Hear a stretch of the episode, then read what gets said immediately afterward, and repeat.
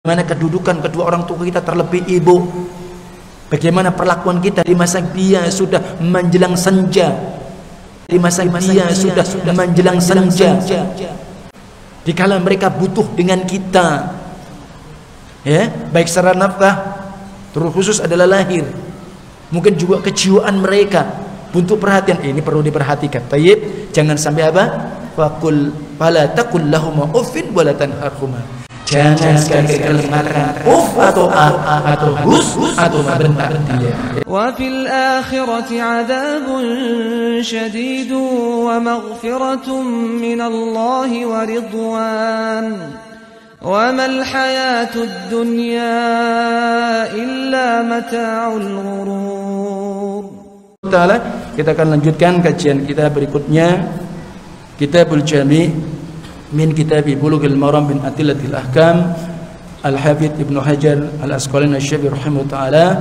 Kemudian kita akan buka bab bir al-birru wasillah hadis tentang haramnya mencela kedua orang tua. Maka kita kadang-kadang mungkin agak mikir musuh ada anak mencela orang tua? Ternyata ini insya Allah mudah-mudahan menjadi ilmu yang bermanfaat untuk kita semua supaya kita tahu dan hati-hati bagaimana kita dalam kehidupan kita hati-hati ini perkara birrul walidin ternyata kita justru mencela orang tua kita sebab kesalahan kita yang tidak kita ketahui. Baik wa an Abdullah ibni Amr Ibn al-Asi radhiyallahu anhuma. Dari sahabat Abdullah ibnu Amr ibn al-As semoga Allah meridai keduanya anna Rasulullah sallallahu alaihi wasallam qaal sesungguhnya Rasulullah sallam telah bersabda minal kaba'iri syatmur rajuli walidayhi Kata Rasulullah di antara termasuk dosa-dosa besar. Apa itu kata Nabi? Syatmur rajul walidihi. Tatkala seorang anak mencela kedua orang tuanya. Gila. Maka ternyata sahabat ini menganggap itu sesuatu yang aneh. Maka dia ditanyakan kepada Nabi, "Wa hal yasubbur rajulu walidayhi?" Apakah mungkin ya Rasulullah bahwa seorang anak itu mencela kedua orang tuanya? Kalau Nabi menjawab, "Na'am." Iya. Bisa jadi anak itu mencela kedua orang tuanya. Maka Nabi pun menjelaskan secara detail maksud bahwa Nabi ditanya apakah mungkin anak itu mencela kedua orang tuanya? Nabi mengatakan iya. Maka Nabi menjawab, "Yasubbu abar rajuli." Fa rajulu abahu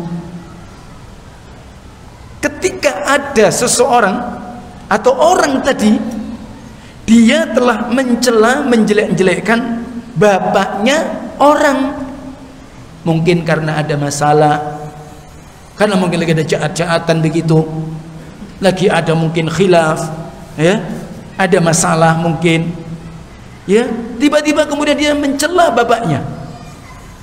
Dasar bapakmu dulu. Nah ini kadang begitu.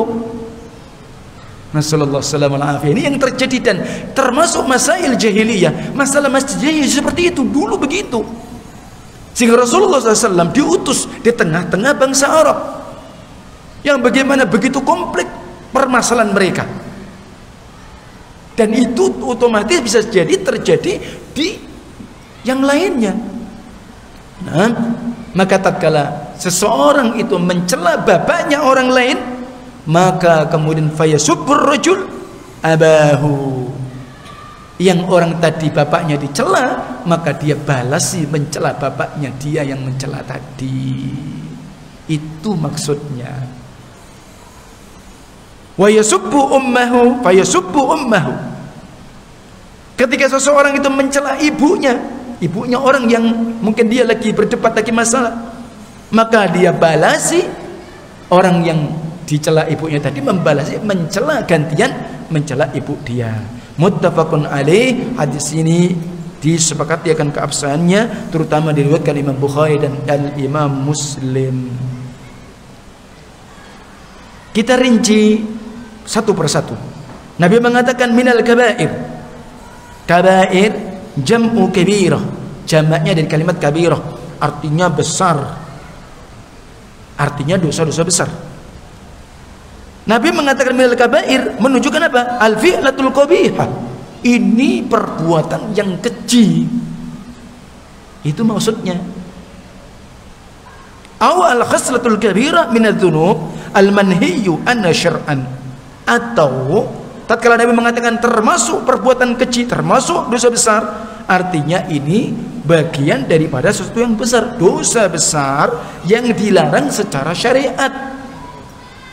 Al-azimu amruha dan ini atau al-amru ini al-azimu amriha atau ini yang sangat besar perkaranya jadi dibayangkan, digambarkan, dinilai oleh Nabi seperti orang tatkala membunuh, seperti orang melakukan perbuatan zina. Jadi begitu. Maka Nabi mengatakan apa? Minal kabair. Iya. Kemudian apa yang bisa kita ambil dari faedah hadis ini? Taqaddama bayan hukukil walidain. Telah dahulu kita bahas tentang bagaimana hak-hak kedua orang tua kita. Ingat jadi hadis yang sebelumnya beberapa dua hadis yang kita telah bahas jangan dihilangkan maka dimurojaah ya diingat lagi diulang-ulang lagi. Bagaimana kedudukan kedua orang tua kita terlebih ibu? Bagaimana perlakuan kita di masa dia sudah menjelang senja? Dikala mereka butuh dengan kita. Ya baik secara nafkah terus khusus adalah lahir mungkin juga kejiwaan mereka. Untuk perhatian ini perlu diperhatikan. Tayyib jangan sampai apa? Faqul fala taqul lahum uffin wala tanharhuma. Jangan sekali-kali kalian mengatakan uff atau ah atau hus atau membentak dia. Itu pesan Allah taala. Kenapa demikian?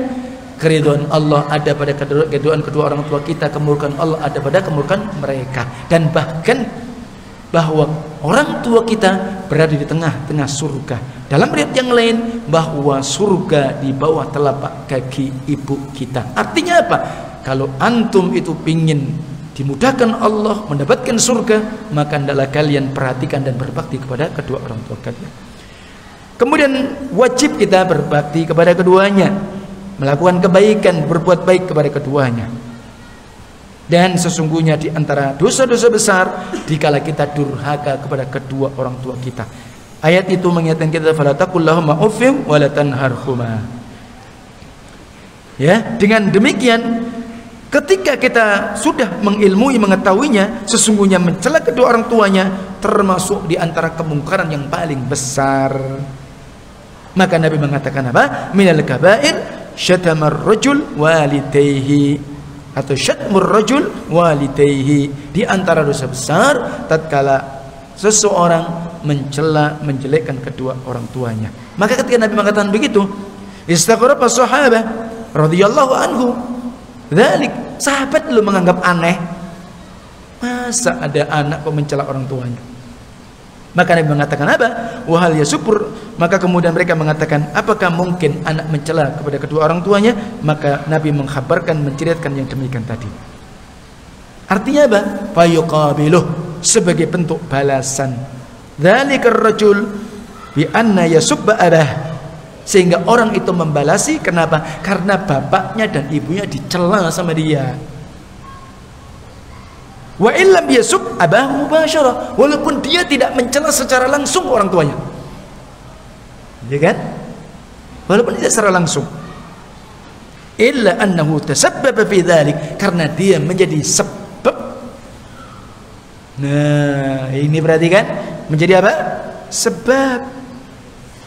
Wal qaidatu syar'iyyah maka dalam kaidah syar'i yang masuk ini dalam bangunan kaidah undang-undang ya patokan-patokan yang perlu diikuti dan kemudian dijalani innal wasaila laha ahkamul maqasid sesungguhnya sebab-sebab itu maka menjadi hukum yang dimaksudkan walaupun antum tidak mencela secara langsung orang tua antum tapi antum menjadi sebab Orang tadi mencela kedua orang tua antum. Kenapa? Karena antum tadi mencela orang tua dia.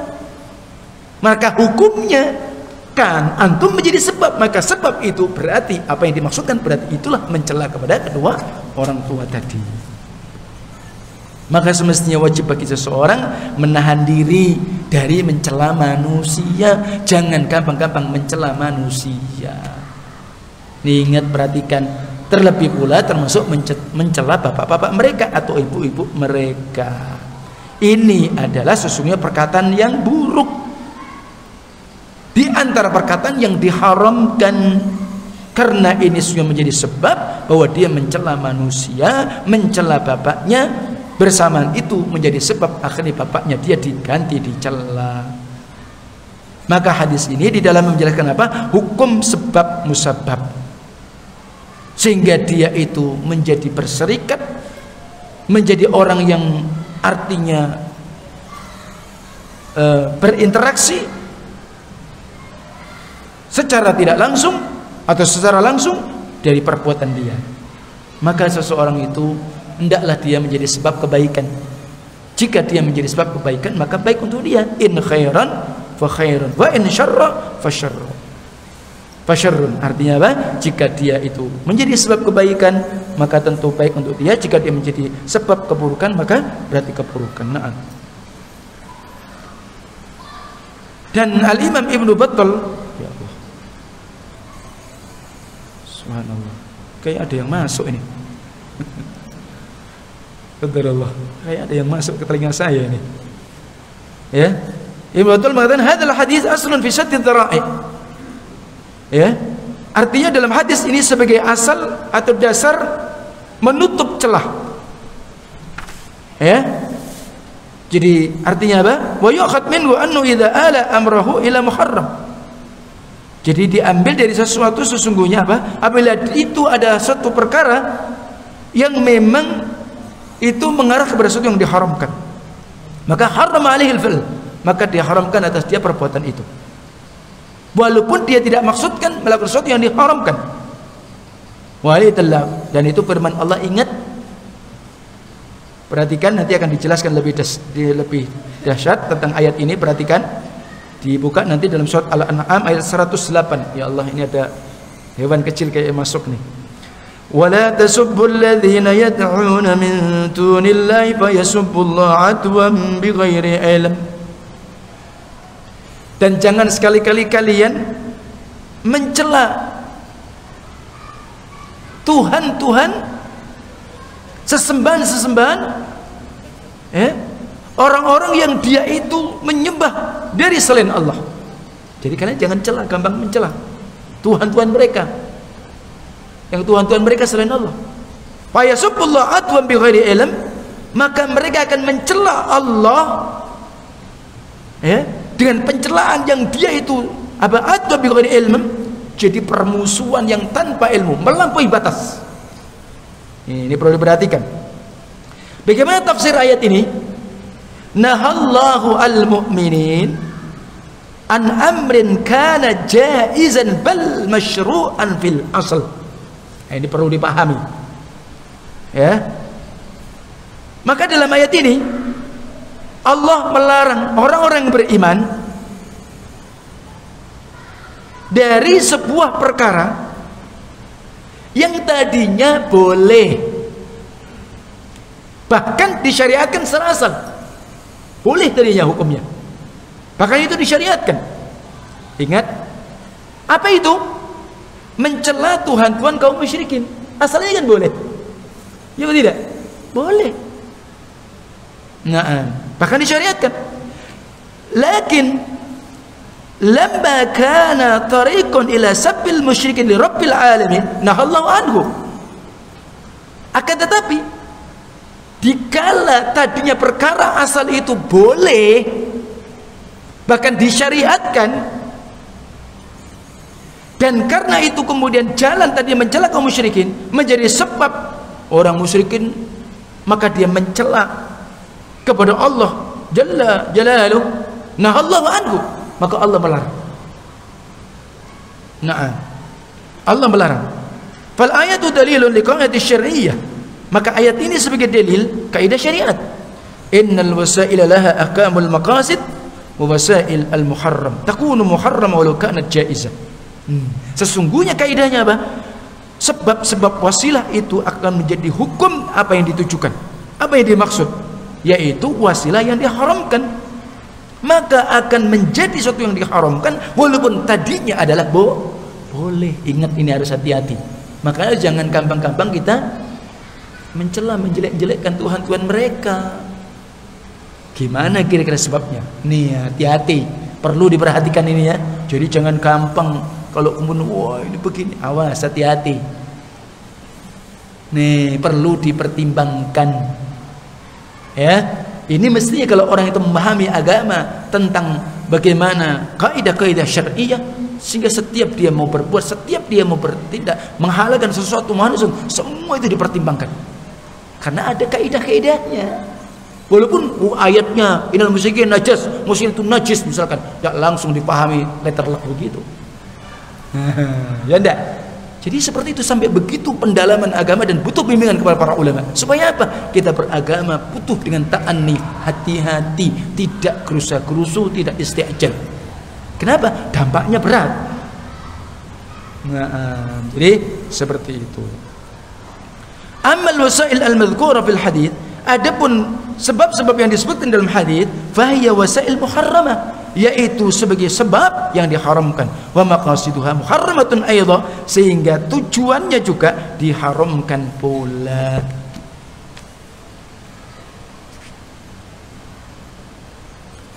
Maka disebutkan pula hadis ini sesungguhnya tidak boleh bagi manusia menjadi sebab perbuatan buruk kepada kedua orang tua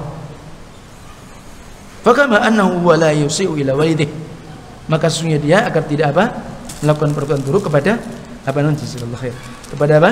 Kepada kedua orang tuanya.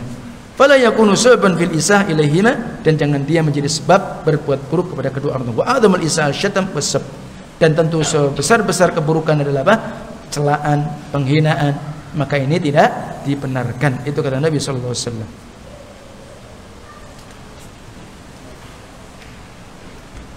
Kemudian kenapa demikian? Li'anna lahuma khurmah. Tentang kehormatan orang tua, kehormatan bapak. Itu kehormatan yang dijaga. Sehingga orang tidak mau. Masalah ada masalah. Tapi jangan dia sebut-sebut bapak saya. Yakin. Dan ini aib. Nasallallahu Kadang-kadang kalau orang sudah marah-marah ini telaknya begitu naudzubillah min dzalik naudzubillah min dzalik mesti jemput bapaknya mesti ibunya. Oh panjang. Ini kehormatan yang tidak patut tidak pantas. Walaupun yang bermasalah si kita. Apa ini kita sebut-sebut bapak kita lebih-lebih sudah wafat? Ibu kita tidak ada. La haula wala quwata illa billah. Tutup rapat-rapat. Ya? Taubat kita nasuha. Nah, maka ini bentuk apa? Ini menjadi dalil kaidah satu tara'i lianna sabal akharin atun ila sabil walidain. Artinya apa?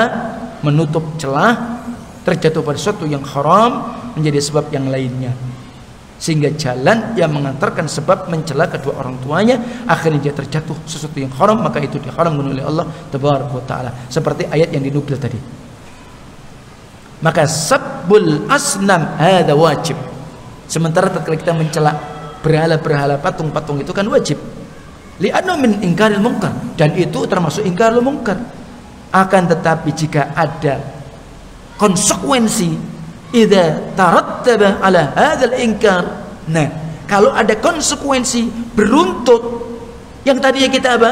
Ingkarul mungkar menimbulkan apa? Mungkarun azam kemungkaran lebih besar memang antum tidak men hanya mencela Tuhan mereka antum tidak mencela Allah kan tapi karena antum mencela mereka mereka lebih melampaui batas antum menjadi sebab Nah, ini hati-hati. Kadang-kadang nggak disadari para doat ini, para dai-dai ini, karena bodoh ini semangat. Muayat Quran begini, sampaikan lagi, tapi dia memahami kaidah-kaidah syariah, dia tidak paham. Ini hati-hati nih, ya. Ini seperti itu. Ini betul-betul masya Allah butuhnya apa? Pendalaman dan terus merojaah dan belajar dan belajar terus insya Allah taala. Taib. Jadi kita lanjutkan sebagaimana tadi seperti itu.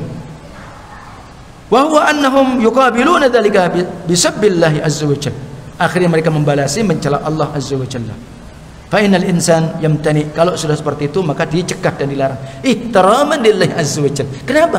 Karena memuliakan, menghormati Allah azza wa jalla. Sehingga Allah punya apa?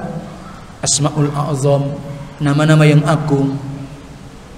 Sehingga lebih-lebih kalau bagaimana kalau Tuhan kalau Allah dicela sama mereka yang mereka tidak tahu ilmu disamakan. La haula wala quwata illa billah. La min ajl ithramil asnam. Kalau antum tidak mencela itu karena ada konsekuensi, bukan kita menghormati berhala dan patung. Wa inna min ajli ihtiram haqqillah subhanahu wa ta'ala. Kita tahan terlebih dahulu dalam rangka untuk menghormati haknya Allah azza wa jalla. Fa kana inkarul munkar yuaddi ila munkar a'zam minhu. Apabila kita tunaikan ingkarul munkar mengingkari kemungkaran yang memberikan konsekuensi kepada kemungkaran yang lebih besar, maka itu dilarang. Artinya apa? Wa yakunu hadza min irtikabi akhaffid dararain. Dararain. Artinya apa? Seseorang itu menempuh jalan yang lebih ringan di antara dua kemadaratan. Ini harus dipahami. Eh, ini yang harus betul-betul dipahami. Hadirin jemaah yang mulia. Ada dua madarat yang di depan kita. Dan tidak mungkin semua itu kita hindari maka ketika itu dan keadaan kita memang dorurah bahaya maka kita memilih darurat yang lebih ringan. Jika kita dihadapkan seperti itu. Mencela kepada Tuhan-Tuhan mereka ya itu adalah wajib. Tapi jika kemudian memiliki konsekuensi Allah dicela dihinakan ya udah.